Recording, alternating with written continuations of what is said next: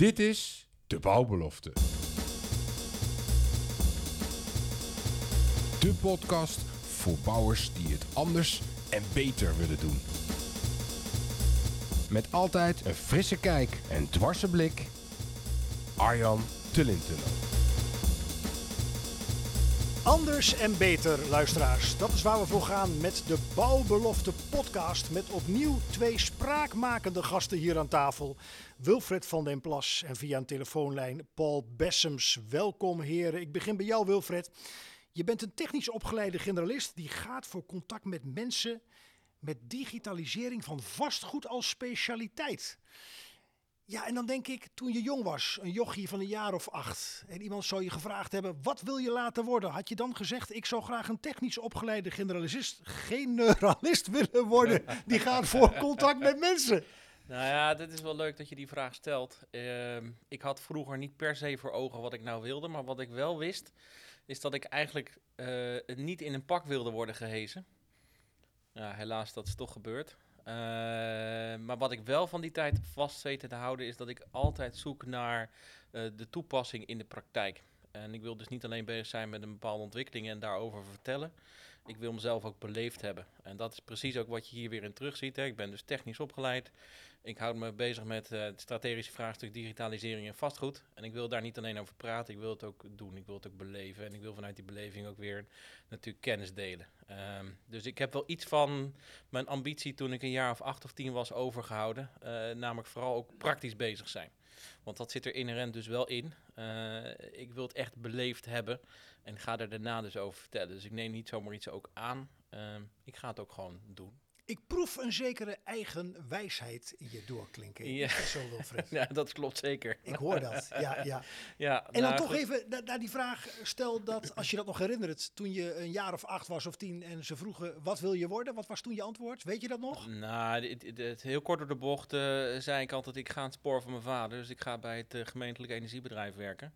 Echt waar? En dat was waar, uh, waar het, laat maar zeggen, zoals het toen ook altijd werkte. Hè? Mijn, mijn opa werkte bij het gemeentelijk energiebedrijf, mijn vader werkte bij het gemeentelijk energiebedrijf. Dus het GEB, ik ging, voor het de GEB, ja, ja, ja, ja, precies. En bij mijn ouders thuis hangt er dan nog zelfs het mooie bord GGEB.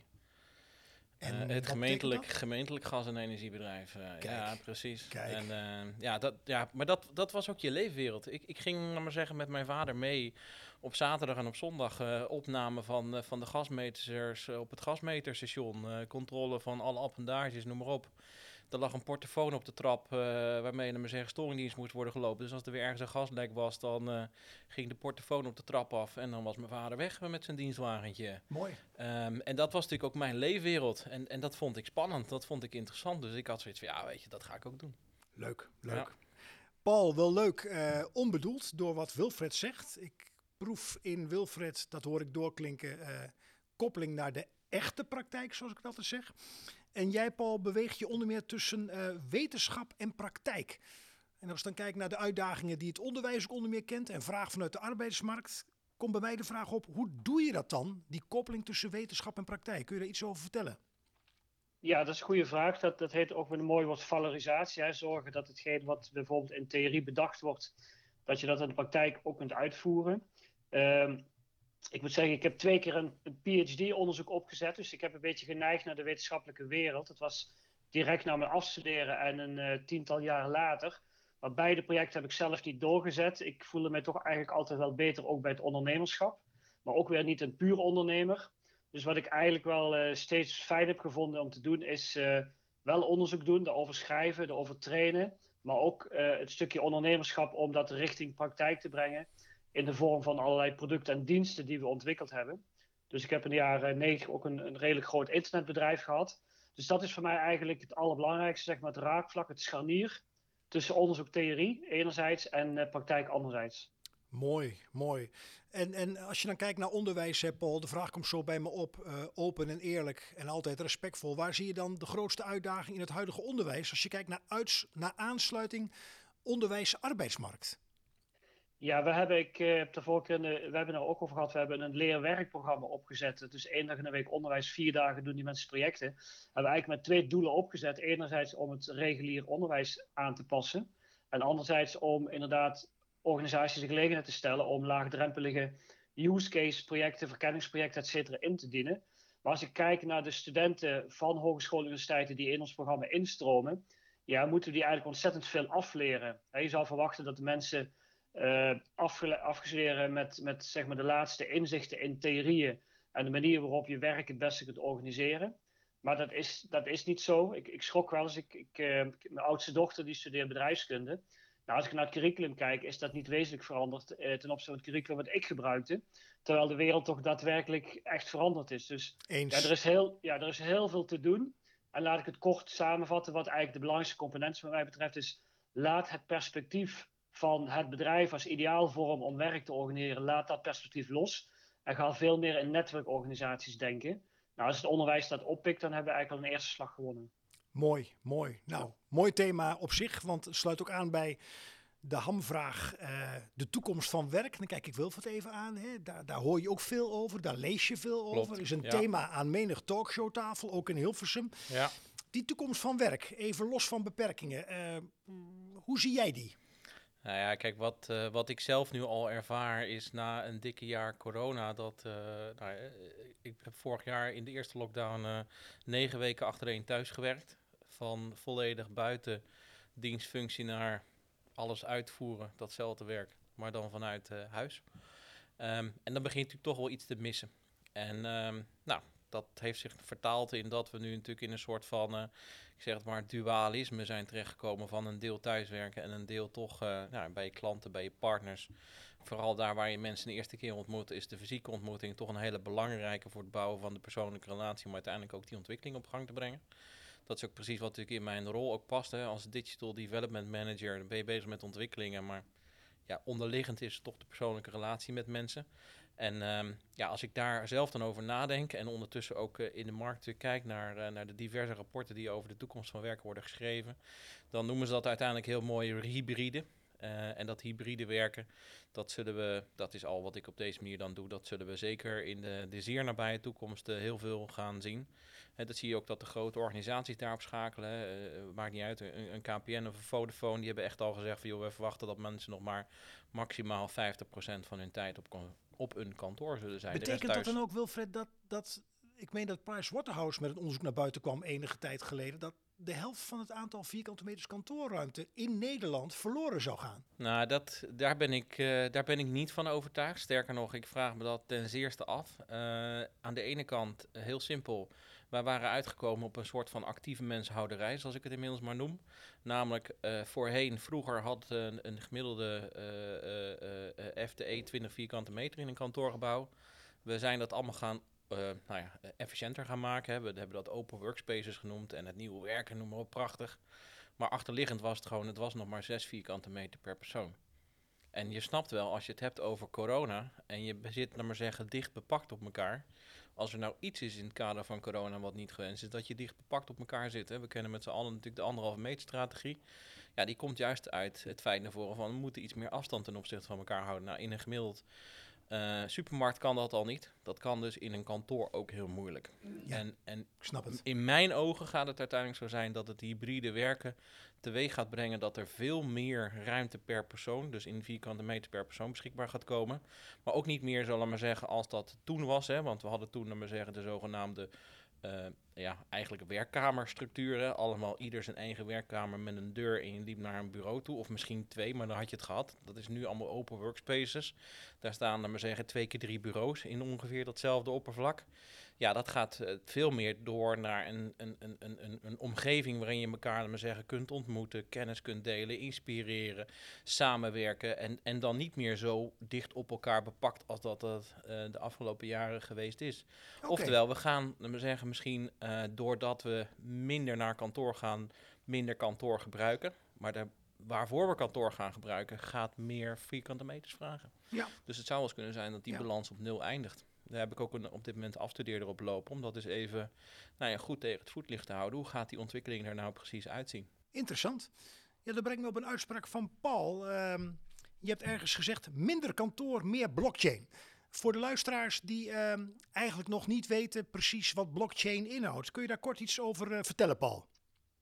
Ja, blockchain kun je denk ik het beste zien als een eh, specifieke database technologie die het mogelijk maakt dat bedrijven niet meer afzonderlijk eigen databases moeten onderhouden. Denk even aan, uh, aan HRM-systemen of CRM of boekhoudsystemen. En dat leidt ertoe dat je dus veel meer vanuit een gedeelde werkelijkheid werkt en elkaar niet meer hoeft te bevragen met e-mailtjes uh, dingen overtikken. Dus ja, blockchain is eigenlijk een datatechnologie die ervoor zorgt dat kantoorwerkers veel productiever kunnen worden. Uh, hè, dus inhakend op de vorige vraag, als je kijkt naar de toekomst van werk. En we hebben nu over zeg maar, tijdplaats onafhankelijk werken. Maar uiteindelijk zul je ook naar een, een, een volumevermindering gaan. Dat is ongetwijfeld zo, want dat hebben we natuurlijk vaker hebben gedaan. Hè. Dus, dus hè, we waren ooit jager verzamelaar, daarna de landbouw, de fabriek. Hè, dus nog maar 3% werkt in de, in de landbouw, 16% in de fabriek. Merendeel werkt in kantoren. Ja, als je daar ook technologie gaat inzetten, ja, dan heb je veel minder kantoorwerk nodig. En je zou dat makkelijk kunnen halveren binnen een generatie. He, dus 70% zit nu achter de computer e-mails naar elkaar te sturen. Ja, als je die technologie goed inzet, dan kan dat zeker eh, met de helft reduceren. Ja, en dat betekent dat je dan volumekorting gaat. Ja, want ik begrijp dat minimaal een derde van het werk wat gebeurt op kantoren overbodig is. Ja, overbodig heel specifiek op het feit dat, dat heet dan digital waste, digitale verspilling. Dus ongeveer 30% van de totale kosten van organisaties gaat op aan het opvragen van data bij andere partijen. Dus de reden dat je bij iemand anders data opvraagt, is dat je geen beschikking hebt over die data.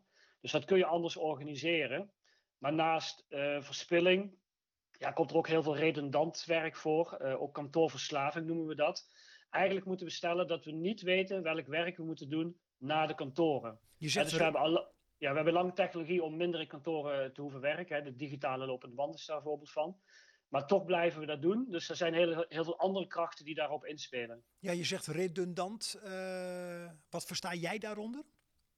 Ja, de, de, iets minder eh, vriendelijke term is bullshit jobs, hè, dus onzinbanen. Kijk, dat, is klare taal, daar houden we van hier. maar dat is een term van, uh, van David Graeber, een antropoloog die vorig jaar overleden is. Maar ja, die vroeg zelf aan mensen, vind je het werk wat je doet nuttig of zou dat beter door de computer gedaan kunnen worden? En ja, de mensen hebben daarvan zelf gezegd dat ze weten dat er software is die dat werk ook kan uitvoeren en die software ook vertrouwen. Dus de, de vraag is veel meer waarom werken we zoveel? En dat, hè, terwijl dat niet nodig is. Uh, ik denk dat de komende generatie zeker daar heel veel beweging in gaat komen. En dat komt vooral omdat je natuurlijk tekort hebt in andere sectoren. En je kunt stellen dat je een overschot hebt in kantoren. En je hebt een tekort in zorg, onderwijs, veiligheid, vrijwilligerswerk, al dat soort dingen. Ja, en, en, en hoe rijm je dat dan? Kijk, Wilfred even aan en reageer ook gerust, Paul. Uh, wat je zo, zo hoort om je heen, zeker de uh, mensen die uh, jonge kinderen hebben, dan wel mensen kennen die jonge kinderen hebben, dat het wel lijkt alsof ouders vinden, en ik zeg het wat stellig, dat mag in een podcast, dat kinderen per se VWO moeten gaan doen. En kijk maar naar de uitdagingen in onderwijs, hoe druk docenten zijn om ouders in te laten zien dat hun kind misschien veel beter af is met een goede MBO of een HBO-studie. Wilfred, wat, wat roept dat bij jou op? Nou ja, wat er bij mij oproept is dat, um, ja, op een of andere manier is dat aan de ene kant wel iets wat heel erg leeft. Hè. Ik wil uh, het best presterende kind ongeveer hebben. Um, aan de andere kant heb ik zelf ook wel ondervonden. En dat was ook wel wat mijn ouders mij meegaven. Ga ook iets doen wat je echt zelf leuk vindt. Hè. Dus die intrinsieke motivatie uh, speelde daarin ook heel erg een rol. En dat, dat, dat woord kende ik toen natuurlijk helemaal niet. Toen ik daar met mijn ouders over sprak, over die toekomst. Um, maar ik heb, ik heb bijvoorbeeld heel bewust wel de keuze gemaakt van... Joh, ga ik door naar het mbo, maar het hbo onder andere. Um, en, en daar me ook laten inspireren door van welke toekomst ligt daar dan? En, en daar zelf ook bewust over nadenken. En natuurlijk waren mijn ouders een, een warm pleitbezorger van het feit dat ik naar het HBO onder andere ging. En dus niet naar het MBO ergens in een uh, werkplaats uh, mooie, fantastische dingen met een draaibank ging, ging maken. Um, maar dat was wel, dan maar zeggen, de overweging ook aan uiteindelijk mijn eigen kant. En niet alleen maar gepusht door. Uh, en ik hoop dat dat steeds meer ook uh, wordt gefaciliteerd door ouders. Dat het niet alleen gaat om ik wil, ik wil het best presterende kind hebben, dus op het VWO. En het moet allemaal achters en negens zijn. Nee, het moet ook echt iets zijn wat het kind zelf ja. interessant vindt om te doen. Want hoeveel kinderen lopen nu niet vast in het feit dat ze iets doen wat ze helemaal niet leuk vinden. Ja. Hoe zie jij dat, Paul? Als je kijkt naar die maatschappelijke ontwikkeling? Ja, ik, ik denk vergelijkbaar. En uh, dus, dus je zit er bijvoorbeeld ook in uh, landen als Scandinavië dat uh, zeg maar de, de installateurs, de mensen in de bouw beter gewaardeerd worden, ook in salaris. maar ook docenten bijvoorbeeld dan mensen die op een kantoor werken. Dus ja, ik denk dat wat corona natuurlijk wel akelig blootlegt, is wat, wat is relevant en wat is minder relevant. En ja, ik denk dat we inderdaad, dan heb ik het over de identiteit van ons met werk, maar ook van de ouders hè, die dat dan doorzetten naar hun kinderen. Is zeg maar de, de managementfuncties, de, de beleidsmakers, dus mensen die bezig zijn om misschien toch wel de wereld nog complexer te maken, dat we daar steeds minder behoefte aan hebben. Uh, dat we daarachter komen en dat we daar ook anders naar gaan kijken. Dus ik denk de hamvraag de komende periode zal zijn bij mensen is wat is groei? Wanneer gaan we vooruit? Wanneer hebben onze kinderen het beter? En welke bijdrage kan ik daar als mens in leveren? dus er, wordt, er, gaan de komende tijd heel andere vragen gesteld worden dan lineair denken van hé, hey, mijn kind moet het hoogste opleiding hebben en als je fiscalist, accountant of uh, jurist bent, dan, dan, heb je het hoogst haalbare gedaan. Ja. Terwijl wij zelf uh, nu inderdaad met technologie bezig zijn, die veel van dit soort beroepen gewoon overbodig maken. Hoor ik je dan zeggen en reageer als ik het verkeerd vertaal, uh, Paul, ook voor de luisteraars, dat ja, hoe meer, um, en er zit een generalisatie onder beleidsmakers, des te complexer de samenleving wordt. ja, dat is gewoon zo. Dat, dat heet de, de wet van Parkinson ook. Het werk dijt uit tot de tijd die ervoor staat. Dus even heel simpel gezegd, stel dat je technologie hebt om jouw werk wat uh, uh, productiever te maken, maar je wilt toch van 9 tot 5 blijven werken. Ja, wat gaan mensen tussen 3 en 5 doen? Die gaan beleidsnotities schrijven of die gaan e-mailtjes rondsturen. Uh, dus ja, we moeten heel goed nadenken dat als je innoveert in technologie, dan moet je ook nadenken wat je met surplus gaat doen. En dat surplus wil zeggen dat je dat niet besteedt aan bestaand werk, maar dat je daadwerkelijk gaat kijken wat is eigenlijk veel waardevoller waar ik die tijd aan kan besteden. Ik noem maar eventjes het idee dat uh, ouders zelf hun kinderen om drie uur van school halen. Dat ze niet ergens op een hangplek rondhangen. Uh, dat zal maatschappelijk gezien heel veel minder onrust geven. Dus ik denk dat we goed moeten nadenken wat is zinvol, uh, waardevol werk en wat niet. En die vragen worden steeds meer gesteld. En ook dat heeft corona natuurlijk ook wel weer naar boven gebracht. Van ja, wat is relevant en wat is minder relevant. Ja. Jouw opmerking brengt me, Paul, op de vraag uh, balans werk-privé, waar je ook veel over hoort en ziet en leest. Uh, mm -hmm. Hoe bewaak jij die balans voor jezelf met al je activiteiten? Ja, goed, het, het, het, dat is dat ik, uh, het werk wat ik doe, beschouw ik niet altijd als werk. Dus bijvoorbeeld, ik heb veel boeken geschreven. Ja, ik heb dat nooit als echt werk beschouwd, maar als vrije tijd, zou ik maar zeggen.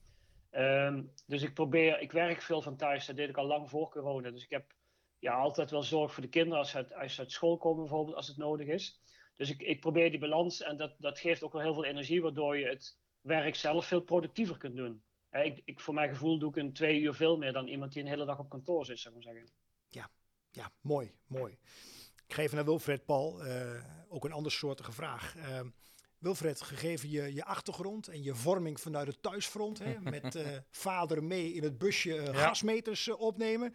Um, ja, als je dat koppelt aan creativiteit, wat, wat is je meest creatieve ja, voorval, situatie, uitspatting in je, in je leven? Nou ja, kijk, als jij die vraag stelt, dan komt er één situatie in ieder geval meteen bij mij boven. Het was tijdens uh, de HTS dat ik uh, samen met klasgenoten een uh, zogenaamde mini-onderneming runde in een van de, de, jaren van de opleiding. En dat betekende dat je in september startte met een onderneming die je in, in juli het jaar erop moest, moest opheffen. Uh, het idee was geld ophalen, uh, iets doen, uh, waarde vermeerderen, een bedrijf runnen. En dat een jaar later letterlijk weer liquideren en dan de aandeelhouders idealiter meer geld uitkeren. Dat hebben we ook gedaan. Um, ja, wij kozen er op een of andere manier voor om een product te gaan maken. in ieder geval die afslag namen we. Dat had natuurlijk ook iets anders kunnen zijn. En wij verzonnen uiteindelijk, wij gaan een, een zogenaamde tafelkandelaar maken. We hadden in ieder geval een product en we wisten, oké, we gaan dat maken. Uh, en wij verzonnen uiteindelijk van ja, we willen dat maken van een koperen buis.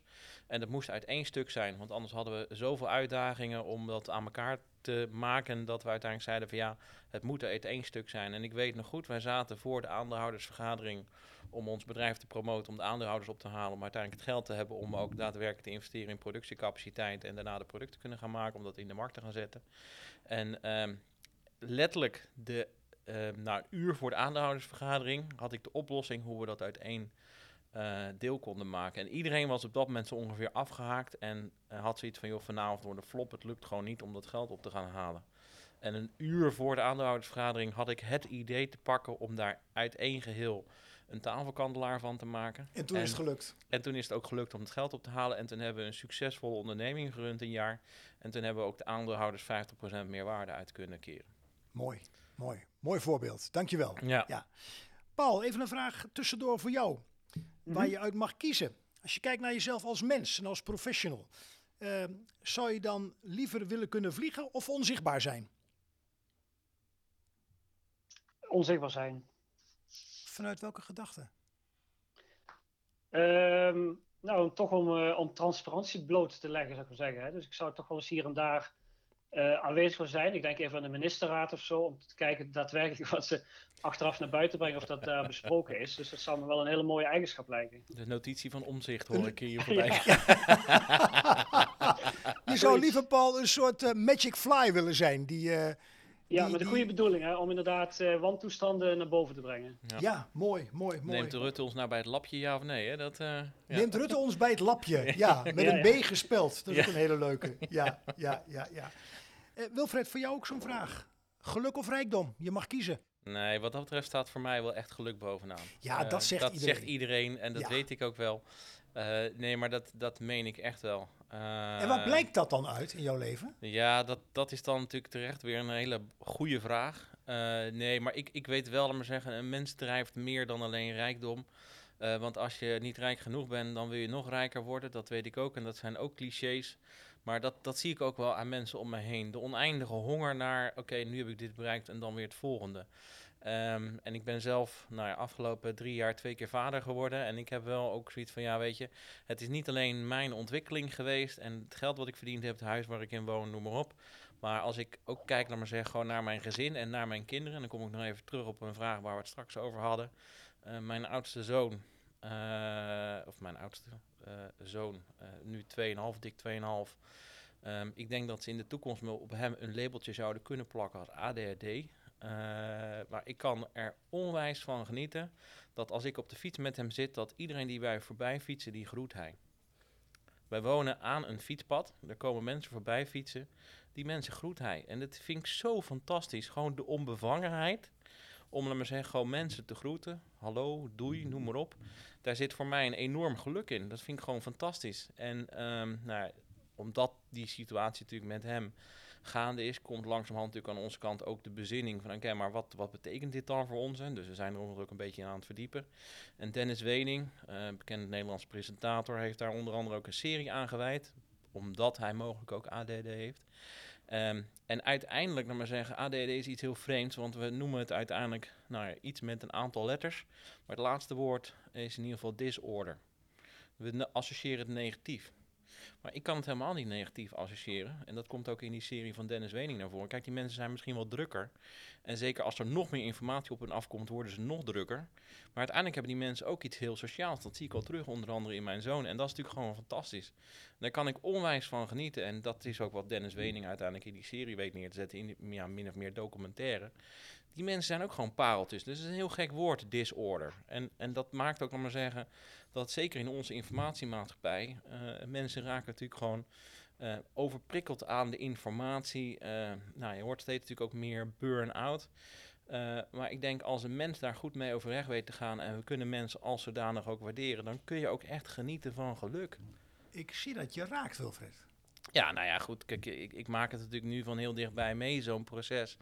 Dat je zo'n kereltje ziet opgroeien en dat je eigenlijk ziet, oké, eh, voor hem, hij gedijt bij uh, rust, reinheid en, en, en regelmaat. Echt, echt, daar gedijt hij bij. Um, hè, dus je vraagt je ook af, ja, maar wat betekent dat in de toekomst? Want ik vind het natuurlijk fantastisch, precies wat Paul ook zegt. Je vangt de kinderen op en s'avonds ga je aan het werken. En werk is wat dat betreft, laat maar zeggen, uh, ja, weet je, omdat je het leuk vindt, doe je dat s'avonds. Pak je het weer beter en ga je ermee verder. Maar voor zo iemand, ja, zou dat wel eens, maar zeggen, gewoon zijn grootste valkuil kunnen worden. Snap het. En, ja. en, en dat is wel waarom ik er nu ook over na zit te denken. En waarom ik ook wel overtuigd ben inmiddels van het feit van ja, het gaat niet om rijkdom, maar het gaat echt wel om geluk. Mooi, mooi. Dankjewel uh, Wilfred dat je dit met ons hebt willen delen. Um, Paul, dat brengt me voor een vraag bij jou. Want -hmm. naast jullie activiteiten en jullie uh, bij tijd en wijle waardevolle uh, uitgesproken mening, um, wat is het meest vormende in jouw leven geweest tot nu toe? Het meest vormend? Ja, um, ja dat zijn toch uh, in het begin mijn ouders natuurlijk geweest, maar gaandeweg uh, dat je zelfstandiger wordt, uh, lees je dingen en kom je opeens op, op hele interessante vragen die gesteld worden en die je dan ook aan jezelf stelt. een ervan was bijvoorbeeld van een evolutiebioloog Daniel Dennett. Die zei: Find something more important than yourself and dedicate your life to it. Dus uh, ik denk dat wat, wat Wilfred ook net bedoelde, is dat je natuurlijk heel veel geluk kunt vinden in je kinderen. Uh, ze iets mee wil geven. Uh, dat het misschien wel een van de belangrijkste dingen in het leven is. Het leven ook doorgeven aan je kinderen. dus dat heeft mij gevormd. eerst mijn ouders zelf en later toen ik zelf kinderen kreeg. Dus dat is toch bij mij steeds het, doorgeven van iets waardevols of het overnemen van mijn ouders, dat dat mij heel erg gevormd heeft. Mooi, mooi, mooi gesproken. Het doorgeven van iets waardevols. Ik, ik hoor daarin ook doorklinken naar jullie beiden. En dan kom ik even bij je vak uit, uh, Wilfred. Ehm, door je werk, door je interesse, je brede interesse. Ja. Ehm, ja, uh, een bijdrage leveren dat mensen in kantooromgevingen ook uh, waardevol werk kunnen blijven doen waar ze zich senang bij voelen. En dan kom ik op het woord smart contracts. Uh, dan heb je het over de technische kant. in welke mate draagt dat bij aan werkgeluk? Nou ja, kijk, wat de visie waar ik in geloof, waar als wij als, als bedrijf, als DWA voor staan, is uiteindelijk de ontwikkeling van nou ja, we noemden daar straks al digitalisering en vastgoed. Uh, van, maar zeggen, connected gebouwen naar slimme gebouwen, naar uiteindelijk gebouwen die zichzelf gaan, uh, gaan besturen, dus die empathisch worden. En dan de digital twin, hè, gewoon de digitale uh, tweelingbroertje van een gebouw, wat ervoor zorgt dat echt dat gebouw optimaal uh, functioneert. En dat doen we niet omdat we het gebouw optimaal willen hebben. We willen uiteindelijk dat dat uh, iets is voor die gebruiker, dat die gebruiker daar gewoon maximaal productief kan zijn. Hè, dat hij makkelijk zijn collega's kan vinden, dat hij snel een werkplek kan vinden in plaats van een kwartier rondwandelen, dat hij in het juiste klimaat zit, dat hij het klimaat kan bijstellen dat hij uh, daar veilig kan werken, weet dat hij daar veilig kan werken. Hè. We zitten nu in een situatie dat uiteindelijk, hè, er niet voor niets de afkorting ontstaan, RTO, Return to Office. Uh, ik word gebeld door opdrachtgevers of, of potentiële opdrachtgevers die zeggen ook tegen mij: Mijn vraagstuk op dit moment is: hoe maak ik mijn kantoor weer aantrekkelijk voor de medewerker dat hij weer op kantoor komt werken? Want dat is natuurlijk ook wel wat een jaar corona gebracht heeft. Iedereen is inmiddels zo uh, uh, gewend geraakt aan het feit dat hij thuis kan werken en ook daar de voordelen van ontdekt, die er ook zeker mogen zijn. Ook de nadelen van ontdekt, die er ook zeker zijn. Uh, maar het is echt wel een vraagstuk voor organisaties geworden van joh, hoe ga ik maar zeggen, mensen teruggaan naar kantoor. Maar bovenal, uiteindelijk digitalisering zie ik als oplossing om dat kantoor gewoon aantrekkelijk te hebben, te krijgen en te houden. Mooi. en dat die medewerker zich daar gewoon veilig voelt en dat hij daar productief zijn ding kan doen. Ja, Paul, je, je, je, je, ik, ik, denk er even aan door wat Wilfred zegt. En, en mogelijk mm -hmm. gaat het bij de luisteraars ook door het hoofd. Uh, het lijkt alsof door corona we sneller accepteren dat verandering op, op, op eigenlijk alle fronten nodig is. En ja, we kennen allemaal denk ik wel als luisteraars ook de fysieke lopende band. Hè? Denk -hmm. maar aan de... Uh, aan, de, aan het verfijnen van de productie uh, zeg maar in die wederopbouwtijd na de Tweede Wereldoorlog. Maar nu praten we ook over een digitale lopende band. Nou, ik kan me voorstellen dat dat wel vragen oproept. Wat kun je daarbij vertellen? Ja, er zijn wel heel, veel parallellen met de, de fysieke lopende band. Dus uh, in mijn laatste boek ben ik ook uitgebreid op ingegaan. Heb ik gekeken hoe dat bij Ford en Toyota ging.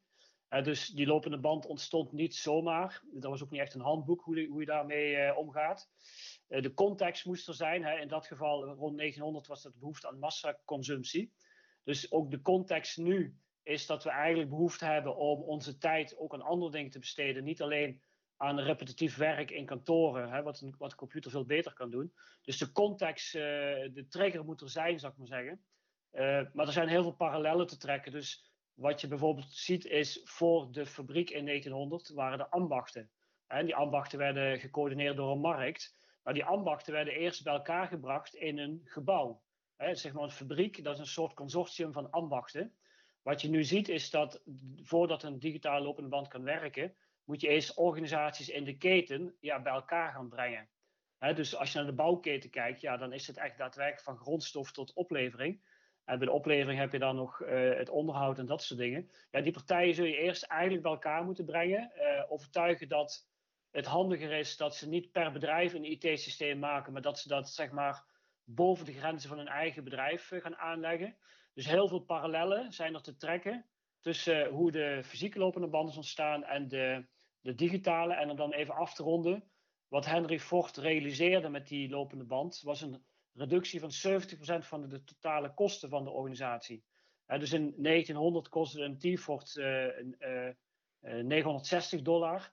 En diezelfde auto kostte vijf jaar later nog maar 280 dollar. exact dezelfde auto, alleen het proces om het te maken, ja, dat was dusdanig veranderd dat er veel minder kosten gemaakt hoefden te worden door een aaneenschakeling van bewerkingen. Ja. Nou ja, datzelfde principe kun je ook, uh, denk maar even aan een hypotheekaanvraag, dan moet je vaak tientallen documenten overleggen.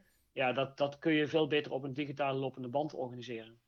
Kan het dan ook zijn, uh, Paul, ik begin even bij jou, dat, dat die fysieke lopende band is zichtbaar. Hè? Dat kunnen we als mens ook beter begrijpen, letterlijk omdat het zichtbaar is. Hè? Ons brein mm. kan dat ook anders verwerken. En digitaal is toch, ja, zeg maar letterlijk onzichtbaar. Dat loopt via draadjes. Is dat ook van invloed, denk jij, op uh, de acceptatie van die, die, die transformatie waar we eigenlijk in zitten? Ja, heel goed. Het, het data kun je niet zien en niet voelen en niet ruiken. Dat is een nadeel.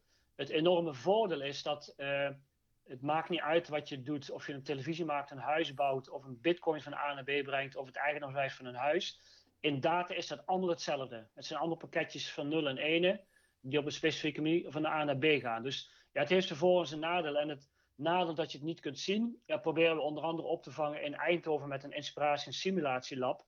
Waarmee je bijvoorbeeld met Lego-bouwsteentjes aan de slag gaat om data te laten zien. Hè, hoe, hoe, bouw je een database op? Uh, hoe, hoe, haal je iets uit een database? Hoe zorg je ervoor dat het erin blijft? Uh, dus je probeert er handen en voeten aan te geven. En dan gaat het voor de meeste mensen wel werken. Dus ja, dat heet een mooi woord datakunde. Hè, wat zijn data? En hoe kun je data het beste organiseren? Ja, is, uh, is datakunde, voor ik naar Wilfred ga, ook eigenlijk al een vak uh, in het onderwijs? Het is wel een mooie naam. Vak, het, het, zou een vak moeten zijn. Het is, uh, ja, we gebruiken data al, al, al tienduizenden jaren. Het is een representatie van onze menselijke wereld. Dus ook de klok, de kalender, het alfabet. Nou, wat we nu dan hebben is digitaal. Hè, dus eten met, sorry, van 0 tot en met 9. En nog specifieker is eigenlijk binair. Alles wat wij als mens ervaren, zien, voelen, kunnen wij vertalen in nullen en enen. Dat is gewoon zo. En dat klinkt heel abstract, maar het is een ontzettend uh, krachtige methodiek om onze wereld te organiseren als we alles representeren in data. Ja, vervolgens is het wel belangrijk dat mensen leren om te gaan met het organiseren van vraag en aanbod van data. En dat doen we heel slecht. Hè. Wat ik al vaker zei, elk bedrijf heeft zijn eigen website een eigen database, een eigen CRM-systeem, een eigen HRM-systeem, een eigen uh, warehouse management systeem, terwijl dat gewoon niet nodig is. En je hebt maar één geboortedatum. Ja, die moet je logisch gezien ook op één plek opslaan. Dus ja, datakunde zou eigenlijk al op de middelbare school onderwezen moeten worden. Mooi, mooi. Kijk, en hier komen voor mij, laat maar zeggen, ontwikkelsporen bij elkaar. In welke zin, Wilfred? Nou ja, in, in het verhaal van Paul zit ja. natuurlijk die digitale loopband met de terugverwijzing ook onder andere naar natuurlijk Henry Ford die die auto goedkoper maakte. Maar wat wij nu natuurlijk aan het doen zijn met digitalisering in vastgoed is uiteindelijk een bijdrage leveren aan de productiviteit van de persoon. Maar dat doen we natuurlijk met bepaalde services, bepaalde applicaties, uh, maakt niet uit. Um, we hebben data nu op zo'n manier georganiseerd in de gebouwde omgeving dat iedere partij die komt weer met een database aan, die zegt stop eerst hier die data in, daarna maak ik voor jou die service beschikbaar. En iedere partij die dat doet aan dat gebouw, uh, of dat nou een service is of een app of wat dan ook, die zegt ik ga eerst data opslaan. Um, dat moet natuurlijk ook allemaal betaald worden. Ja, daar ontstaat een, een, een kostenpost door, waardoor ook heel veel partijen zeggen van ja, maar slimme gebouwen zijn helemaal niet betaalbaar. Nou, dat is uh, inmiddels natuurlijk ook een achterhaald feit. Als je het op een andere manier gaat organiseren, en daar zit de analogie ook naar het verhaal van Paul. Als je gewoon zegt, iedere gebouw heeft zijn eigen database met daarin alle data. En de partij die de kennis heeft ergens van, de kunde ergens van en uh, kan daar een applicatie of een service op maken. Die takt aan op die data, laat die service daarop los en levert daarmee die service aan die gebruiker. Dan hoeft hij zich helemaal geen zorgen te maken over wat voor data is er dan beschikbaar, hoe kom ik aan die data, welke data is dat dan.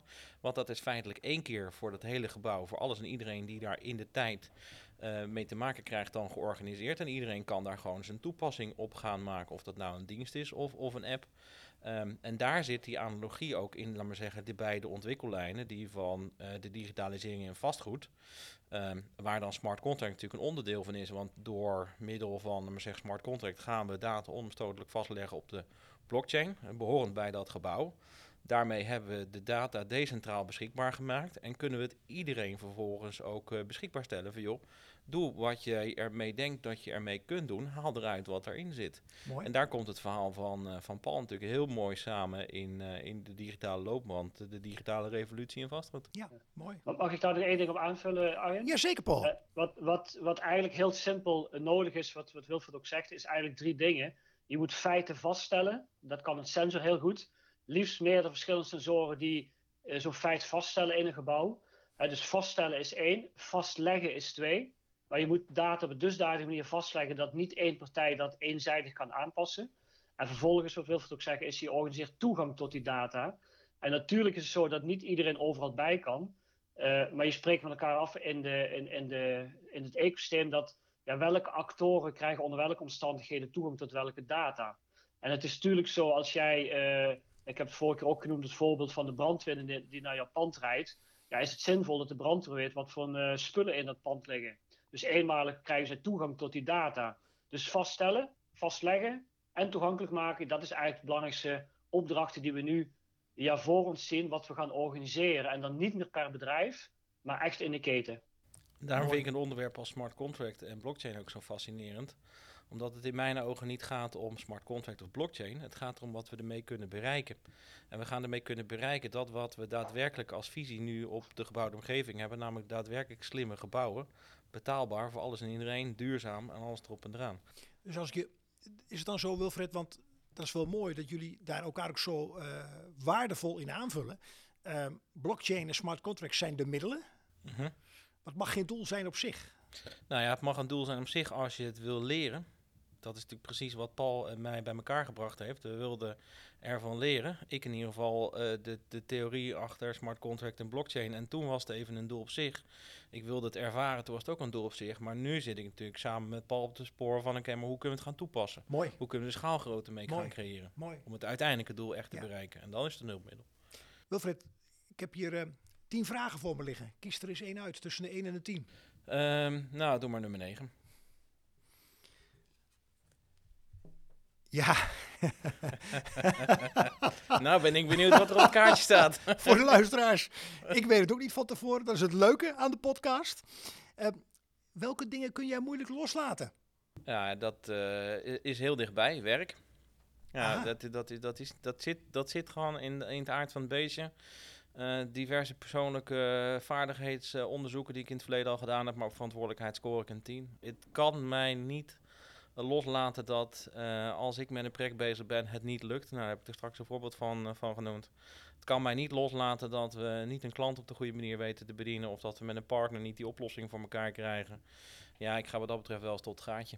Uh, wat is daarin je valkuil? Heel ja, eerlijk. nou ja, goed. Kijk, eerlijk is eerlijk. Uh, valkuil is natuurlijk op een gegeven moment uh, tijd en het uit het oog verliezen van misschien wel de dingen die nog belangrijker zijn dan dat. Hè? Dus dan praat ik toch weer over bijvoorbeeld naar privé, thuissituatie, gezin, dat soort zaken. Ja. Nou, dat is de valkuil meteen ook. Ja, ik denk voor velen uh, onder onze luisteraars uh, heel herkenbaar. Ja, dus dat verwacht ik. Je begeeft je in goed gezelschap. Paul en jij, ik heb, uh, ik heb nog ja, tien vragen voor me. Welk nummer kies jij? Ik kies hetzelfde als Wilfred, maar dan de omgedraaide. Dus dan bedoel je twee? Nee, nee, zes. Oh, zes. Ah, dat kan ook. Ja. ja. ik denk, ik zal je ook een beetje laten denken. Ja, precies. Mooi is dat, ja. Dat is ook een mooie vraag, denk ik, Paul. Um, ja. Kijk het naar, uh, daarin vinden jullie elkaar ook een enorm breed uh, interessegebied. Waarbij, uh, nou, ja, dit is een containerbegrip geworden helaas door de ontwikkelingen vanuit Den Haag. Maar ik heb er even geen ander woord voor. De menselijke maat vind ik bij jullie wel centraal staan in jullie beide uh, bezigheden. Maar waar kun jij je op dit moment echt druk over maken? Uh, ja, waar ik me heel erg druk om maak is dat er toch nog steeds, ook, je noemde net de overheid, ja, dat er zo lineair gedacht wordt. Dat er rapporten verschijnen met steeds dezelfde mensen dat zijn bestuurders, ambtenaren, juristen. Uh, ik, ik, ik heb een hekel aan steeds naar hetzelfde kijken en dan verwachten dat er iets anders uitkomt. Dus ik ja, ben een grote pleitbezorger om uh, met veel meer verschillende perspectieven naar de uitdagingen te kijken die voor ons liggen. Uh, ja, en wij proberen er zelf vanuit onze foundation ook iets aan te doen. Dus ja, stop met lineair denken. ga eens dwars denken, ga eens frits denken. Daar, ben Het is net de bouwclub. Ja, ja, precies. ja. ja, Mooi, mooi, mooi, mooi. Wat roept dat bij jou op, Wilbert, richting een afronding van deze podcast, wat Paul net zegt? Nou ja, kijk, dat, dat is natuurlijk ook waarom ik uh, nou, me in onderwerpen als smart contract en blockchain verdiep. Omdat ik denk dat dat de nieuwe ontwikkelingen zijn die ons kunnen helpen in het daadwerkelijk bereiken van resultaat. Maar je vindt natuurlijk op die weg dat je daar instapt, vind je natuurlijk wel een aantal uh, mensen op je pad die zeggen uiteindelijk van, joh, moet je niet doen, dat is niet interessant, dat, uh, dat kost alleen maar extra geld, noem maar op. Nou, en ik heb altijd geleerd dat in die zin mijn eigen wijzigheid me ook wel heeft geholpen in het daadwerkelijk bereiken van een aantal resultaten. Tuurlijk, soms steek je er tijd in waar je achteraf achterkomt. Goed dat ik weet waarom het nu zo is zoals het is en niet interessant. Maar met dit soort ontwikkelingen geloof ik zeker ook wat ik er nu de afgelopen anderhalf jaar van geleerd heb. Dit gaat het verschil onder andere maken in de digitalisering van vastgoed. Mooi, mooi. Dankjewel Wilfred. Um, Paul, um, richting een afronding. Uh, een vraag die nu ter plekke bij me opkomt. Uh, ik hoor de menselijke maat doorklinken, wat ik net al zei. Uh, ik hoor ook een enorme passie om, om, om werken op een andere manier leuk te maken. Maar kijk het nu naar ehm, de generatie die toch wel druk ervaart. Hè? kijk naar het dertigersdilemma, als je dat wat zegt, Paul. Hè? Daar is zelfs een boek over verschenen. Wat mhm. zou jij ehm, ouders mee willen geven? Uh, als je kijkt naar de nieuwe generatie, hoe die nieuwe generatie uh, wat mee kunnen geven, dat ze echt met een andere kijk naar de toekomst kijken. Ja, wat je terecht zegt, hè, dus uh, we ervaren de wereld als complex. vervolgens gaan we specialisten inrichten. En daar, als je naar de toeslagenaffaire kijkt, hè, dus al die specialisten deden op hun terrein hun werk goed, maar het geheel was gewoon een wanorde. En we proberen steeds een deel te genezen, hè, maar je moet eigenlijk het geheel behandelen. Nou, dus een pleit voor mij voor ook naar ouders toe. Krijgt die vraag wel eens vaker na afloop van een lezing. Hè. Mijn, zoon gaat studeren, wat zou je hem aanbevelen? Toch wel IT of zoiets. Hè? Zeg nee, ik zou graag aanbevelen een wat bredere studie. Dus ik vind dat we de kinderen veel meer filosofie, antropologie, organisatiekunde is een heel belangrijke. Dus met een veel bredere blik uh, de juiste vragen stellen. Uh, onze kinderen klaarmaken voor de, de samenleving waarin zij gaan, gaan leven en werken. En ja, daar zullen heel veel andere dingen nodig zijn. En uh, dan kom ik er even terug op dat lineair denken. Dus ja, probeer ook je kinderen uh, te leren om toch met een frisse kijk en een dwarse kijk. En dat, dat betekent niet een brutale kijk, maar een, een frisse nieuwe kijk naar de wereld te kijken. En uh, ja, daar zou ook onderwijsinstellingen, hè, dus eigenlijk de dingen waar we op bezuinigd hebben. Ik zeg wel eens, kunst en cultuur is de R&D-afdeling van de mens.